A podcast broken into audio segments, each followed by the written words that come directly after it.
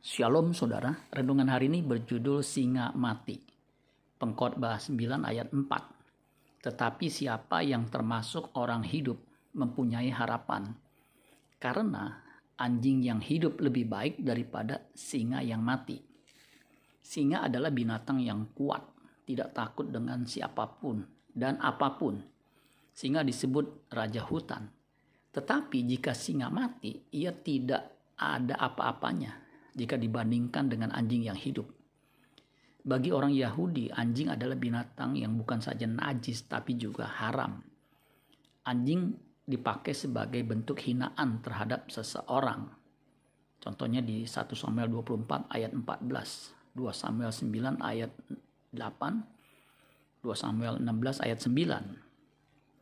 Jika manusia rohaninya mati, maka sekuat apa pun fisiknya atau finansialnya, tidak ada apa-apanya di hadapan Tuhan.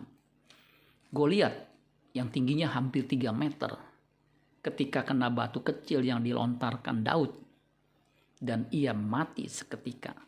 Lalu dipenggal kepalanya oleh Daud dengan menggunakan pedang yang dibawa Goliat. 1 Samuel 17 ayat 48 sampai 51. Ketika orang Filistin itu bergerak maju untuk menemui Daud, maka segeralah Daud berlari ke barisan musuh untuk menemui orang Filistin itu.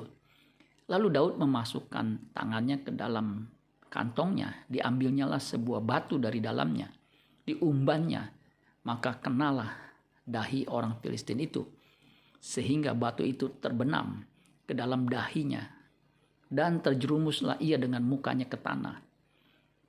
Demikianlah Daud mengalahkan orang Filistin itu dengan umban dan batu ia mengalahkan orang Filistin itu dan membunuhnya tanpa pedang di tangan.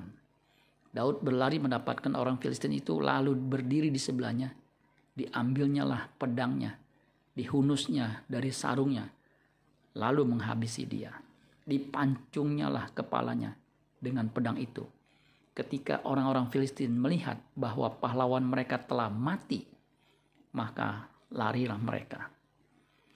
Jangan sampai rohani kita mati ketika pandemi belum berhenti.